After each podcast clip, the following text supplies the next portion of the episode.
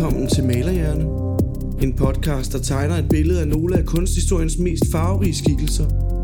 Dine værter er Mia Højved Køben og Johanne Katrine Nielsen.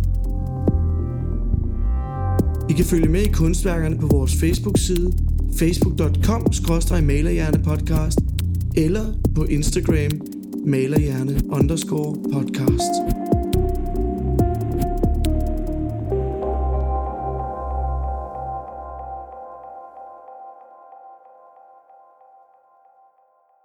Hej derude, Hej. og øh, velkommen til dagens afsnit af Malerhjerne. Ja. Yeah. Vi er jo i studiet for første gang i lang tid. Rigtig lang tid. Oven på en veloverstået eksamensperiode. Yes, lige præcis. De første afsnit, dem optog vi jo i efteråret. Og nu er vi tilbage. Forhåbentlig be- med bedre lyd, Forhåbentlig. bedre helbred, federe overskud. Præcis. Ja. Og øh, ja, på den anden side af nytåret og i gang med 2019. Yes, godt nytår. Og i dag der er det dig, Mia. Mm. Mm. Der skal fortælle lidt om en kunstner. Præcis. Det øh, bliver lidt anderledes afsnit i dag, Okay. fordi jeg ikke øh, kommer til at nævne konkrete kunstværker, men jeg kommer selvfølgelig stadigvæk til at lægge dem ud, eller nogle, nogle kunstværker ud på Instagram, så man kan følge med og ligesom have en idé om, øh, hvad det er, dagens kunstner har lavet for nogle ting. Men øh, jeg kommer til at fortælle mere om hendes liv, og hvad der ligesom har ligget til grund for de værker, hun laver.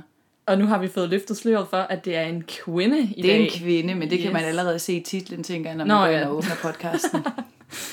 Men øh, det er øh, Hilma af Klint. Yes, så vi er i Skandinavien i Sverige. Og øh, Hilma hun blev født den 26. oktober 1862 på Kal- Kalberg, Karlberg Slot, hvor hendes far, Victor af Klint, han var kaptajn ved floden. Hilma hun var det fjerde barn ud af fem, og øh, familien tilbragte størstedelen af sommeren, eller sommerne, i deres øh, sommerhus, øh, Hanmora, øh, på den svenske ø Adelsø. Sommerhuset det lå i øh, smukke og idylliske omgivelser, og det gav Hilma en stor fascination og interesse fra naturen fra en tidlig alder, som senere hen øh, har været en stor inspiration i hendes kunstneriske arbejde. Med fra familien, der har hun også fået en interesse fra den botaniske verden, fordi hendes forældre interesserede sig for det, men hun fik også en interesse fra den matematiske verden. verden. Og det viser sig også at blive en inspiration for hendes senere kunst.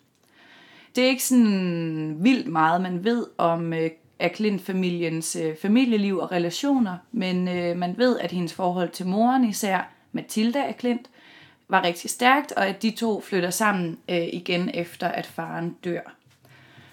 Øhm, da Aklint hun var 17 år gammel i 1879, der deltog hun for første gang i en såkaldt spiri, spiritistisk seance, hvor deltagerne øh, i den her seance forsøgte at opnå en kontakt til de dødes verden.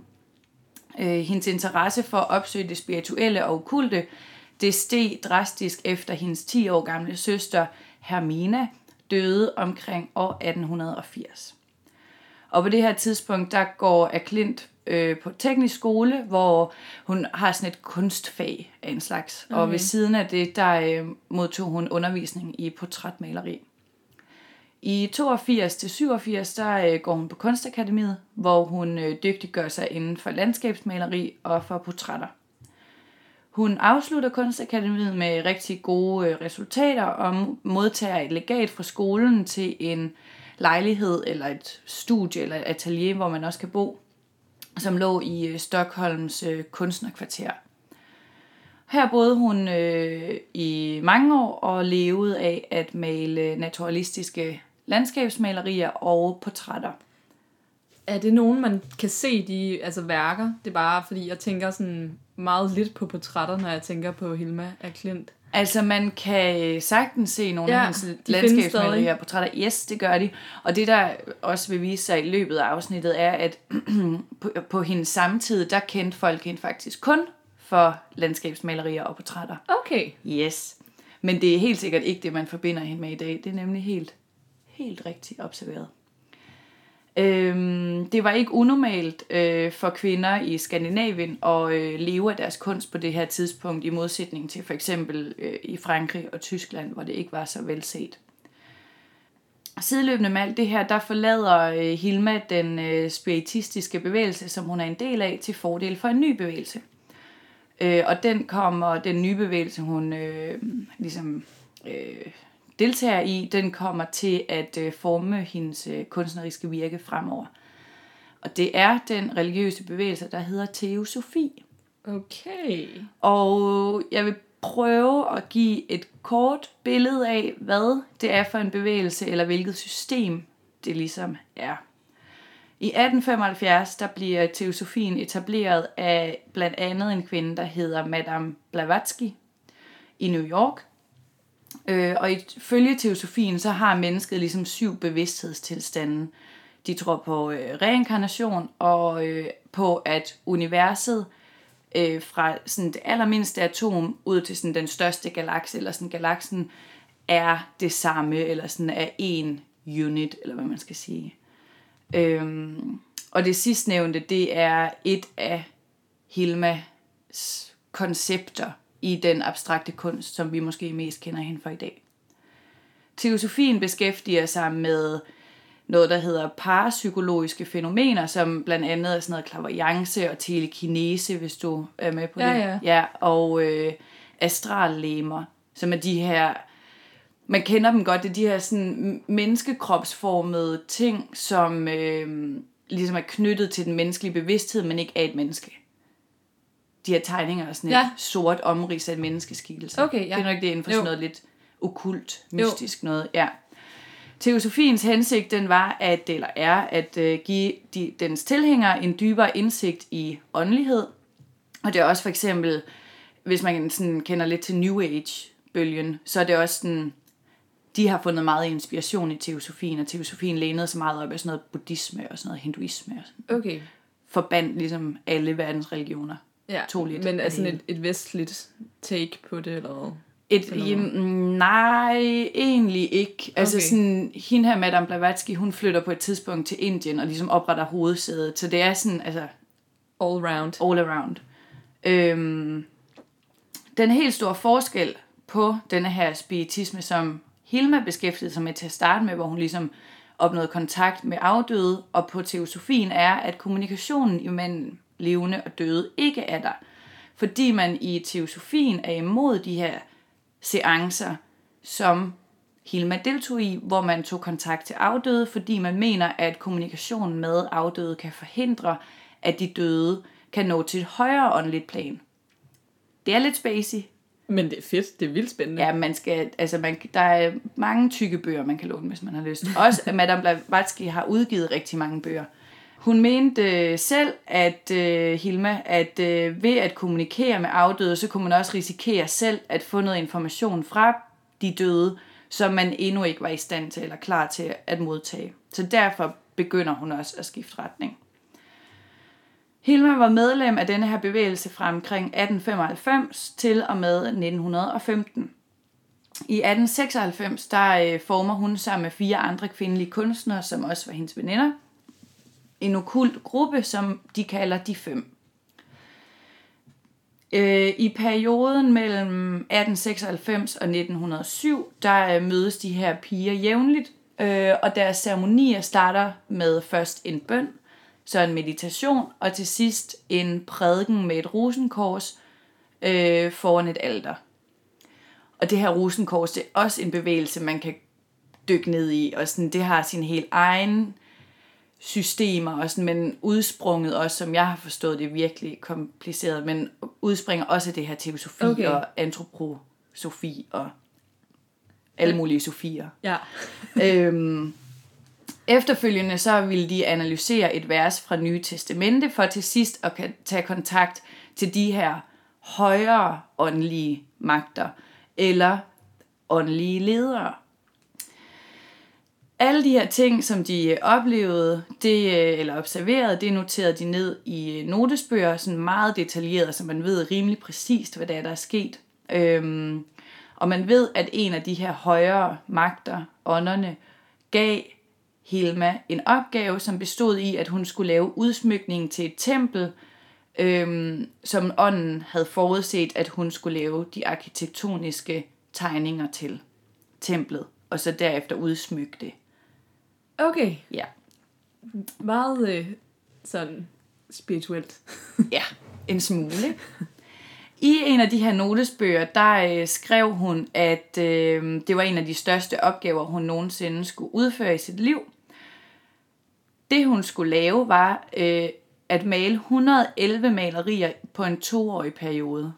Det vil altså sige et maleri hver femte dag. Det er altså, hvis man nogensinde har prøvet at male, Ja, så kan det altså godt tage rigtig lang tid. ja. Men øh, Hilma, øh, det, ja, det kommer jeg til. Okay. Hun var ret effektiv, Yes. fordi det ikke var hende selv, der malede No. efter sigende. Nej, nej, nej, nej, nej. Hvor er det spændende. Alle de her værker, de skulle ligesom gå ind under et større, øh, et, et, ja, i den her sådan større sammenhæng, som var templet, og alt sammen under overskriften malerierne til templet. Hun påbegynder det store arbejde i 1906, og hun siger selv, at malerierne er blevet malet direkte igennem hende, altså af højere magter, og ingen af malerierne har hun lavet skitser på inden. Hun bare malede direkte på lærredet.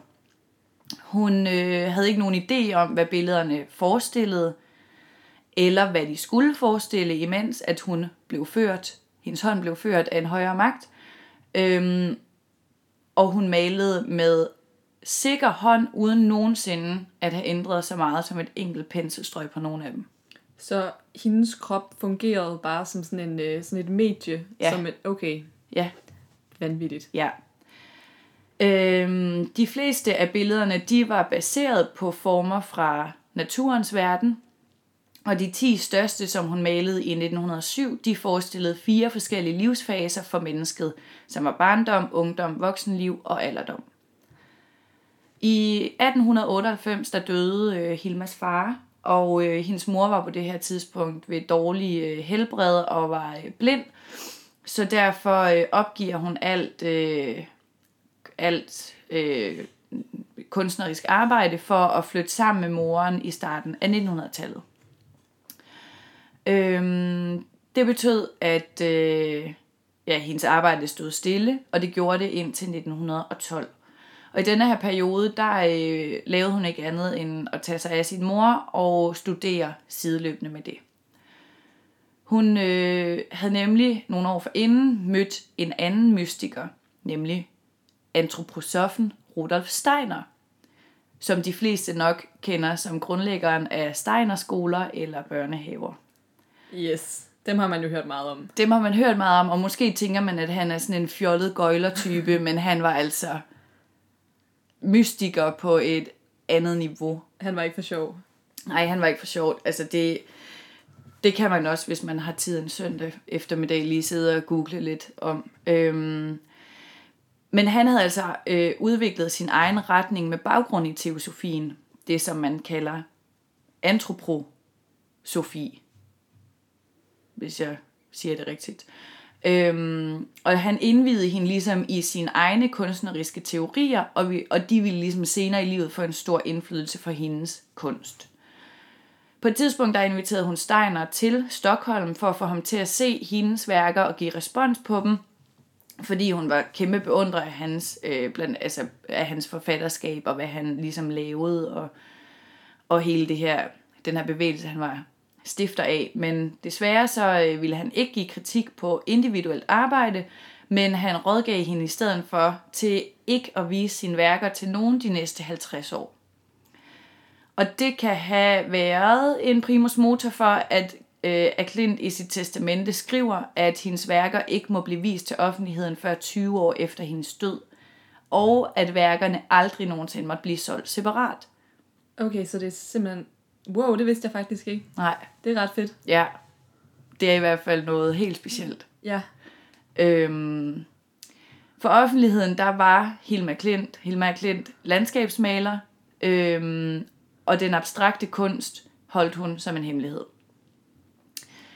Det, de naturalistiske landskabsmalerier, de bliver udstillet ved uh, The Baltic Exhibition i øh, Malmø i 1914, hvor kunstnere fra hele Norden, Tyskland og Rusland og Baltikum øh, også var udstillet. Og her øh, var en anden abstrakt maler også udstillet med sin abstrakte kunst. Hvis jeg siger Rusland og abstrakt kunst, siger du? Kandinsky? Yes. Ja. Men det interessante er jo, at Hilma Klint allerede laver abstrakt kunst, men det er ikke blevet udstillet endnu. Mm. Så hun var faktisk før Kandinsky. Sejt. I øh, 1915 der færdiggør hun de her malerier til templet, som ender med at tælle 193 malerier i alt. I 1917 der maler hun øh, sådan en øh, geometrisk abstrakt atomserie, øh, og samtidig så skriver hun over 1200 sider i en notesbog, som hun kalder Studier over sjælelivet. Øh, de her noter de giver en detaljeret beskrivelse af hendes oplevelse som det her såkaldte metafysiske medium, som hun jo så sig selv som, hvor penslen blev ført igennem ja. det, du var inde på lige før. I 1920 der dør hendes mor, og det kickstarter et øh, meget kreativt år for Hilma, hvor hun øh, fortsat studerer de her verdensreligioner, og hun studerer blomster og træers videnskabelige kompleksiteter. Hun havde nogle altså ret vilde interesser. Hun flytter til Helsingborg, øh, men opholder sig det meste af tiden i Götten, Göttena, et sted i Schweiz, som jeg ikke har lyst til at udtale. Det er fint øh, et sted i Schweiz, tror jeg. Goetheanum. Ja. Yes. Det var hovedsædet for den antroposofiske bevægelse, øh, som jo var startet af Rudolf Steiner, som også boede der. Så det var ligesom for at komme tættere på ham og ja. hans studier. Og hun melder sig ind i den her bevægelse. Til fordel for teosofien er hun nu øh, med i det her antroposofi, øh, og bruger rigtig lang tid på at fordybe sig i Steiners teorier og idéer, og kommer til mange af hans sådan, foredrag og sådan noget. Samtidig så øh, bliver hun på sine ældre dage øh, bevidst om, at øh, sam, om, øh, offentligheden i hendes samtid ikke ville kunne forstå den her abstrakte kunst, hun øh, lavede.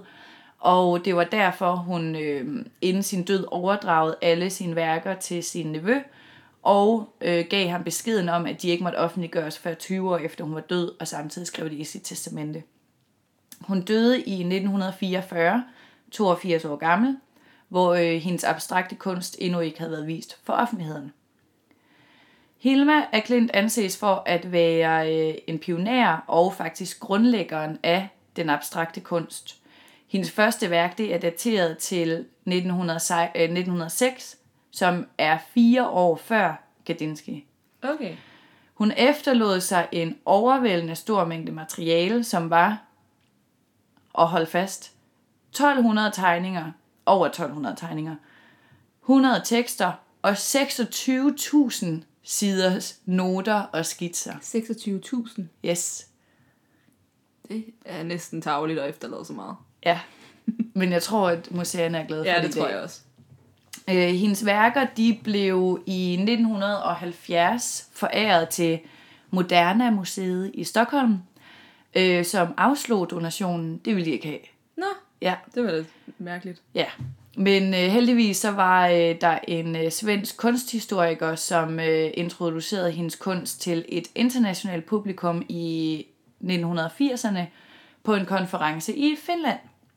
Øhm, og hendes kunst, den øh, blev i de her år øh, vist til offentligheden, men sådan lidt... Øh, jeg har ikke rigtig kunne finde ud af sådan den store udstilling. Det har været sådan noget, prøv at klatte et billede op, og så øh, så man, hvordan det gik, og det gik måske ikke så godt. Nej, eller okay. eller andet.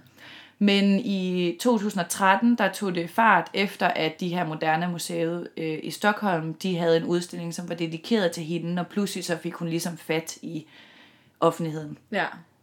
Øhm, man mener, at hendes øh, kunst den var lavet for at viderebringe et øh, transcendent budskab til menneskeheden, og øh, at den var baseret på det her rosenkorsisme, øh, teosofi og på kristendommen.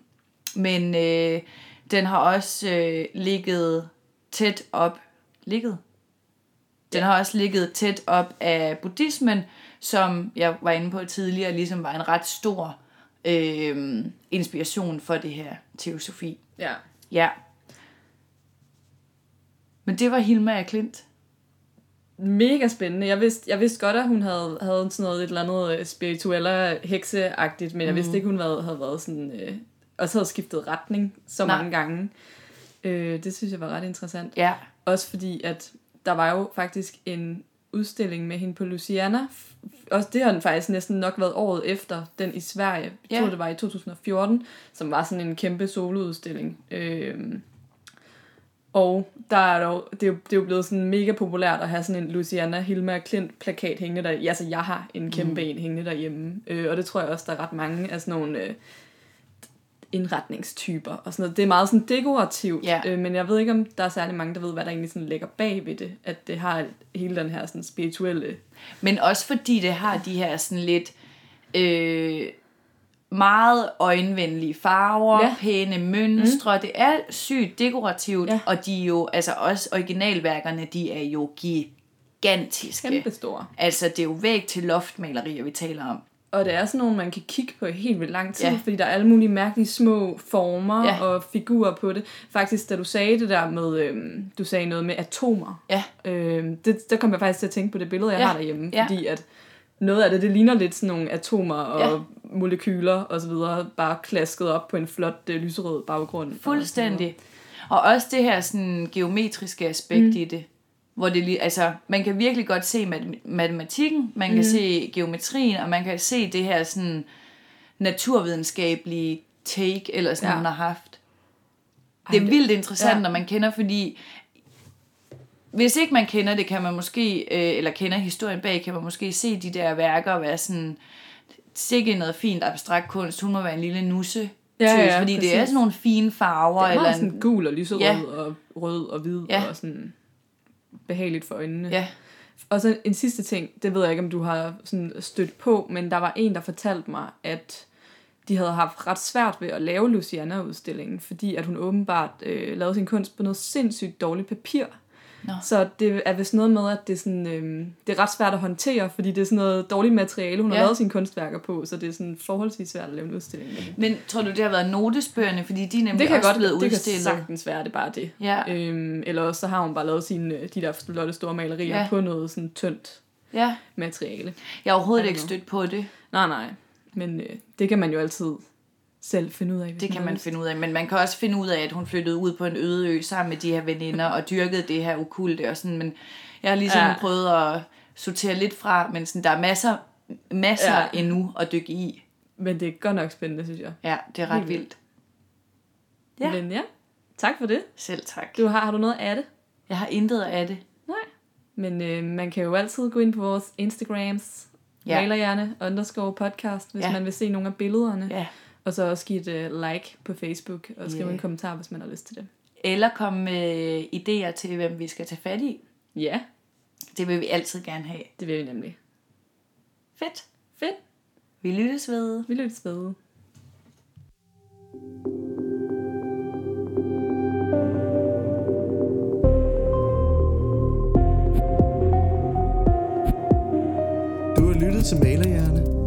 Podcasten er produceret af Kasper Rune Larsen. Speak af Jesper Ole Fejt Andersen. Og musik af Mike Sheridan.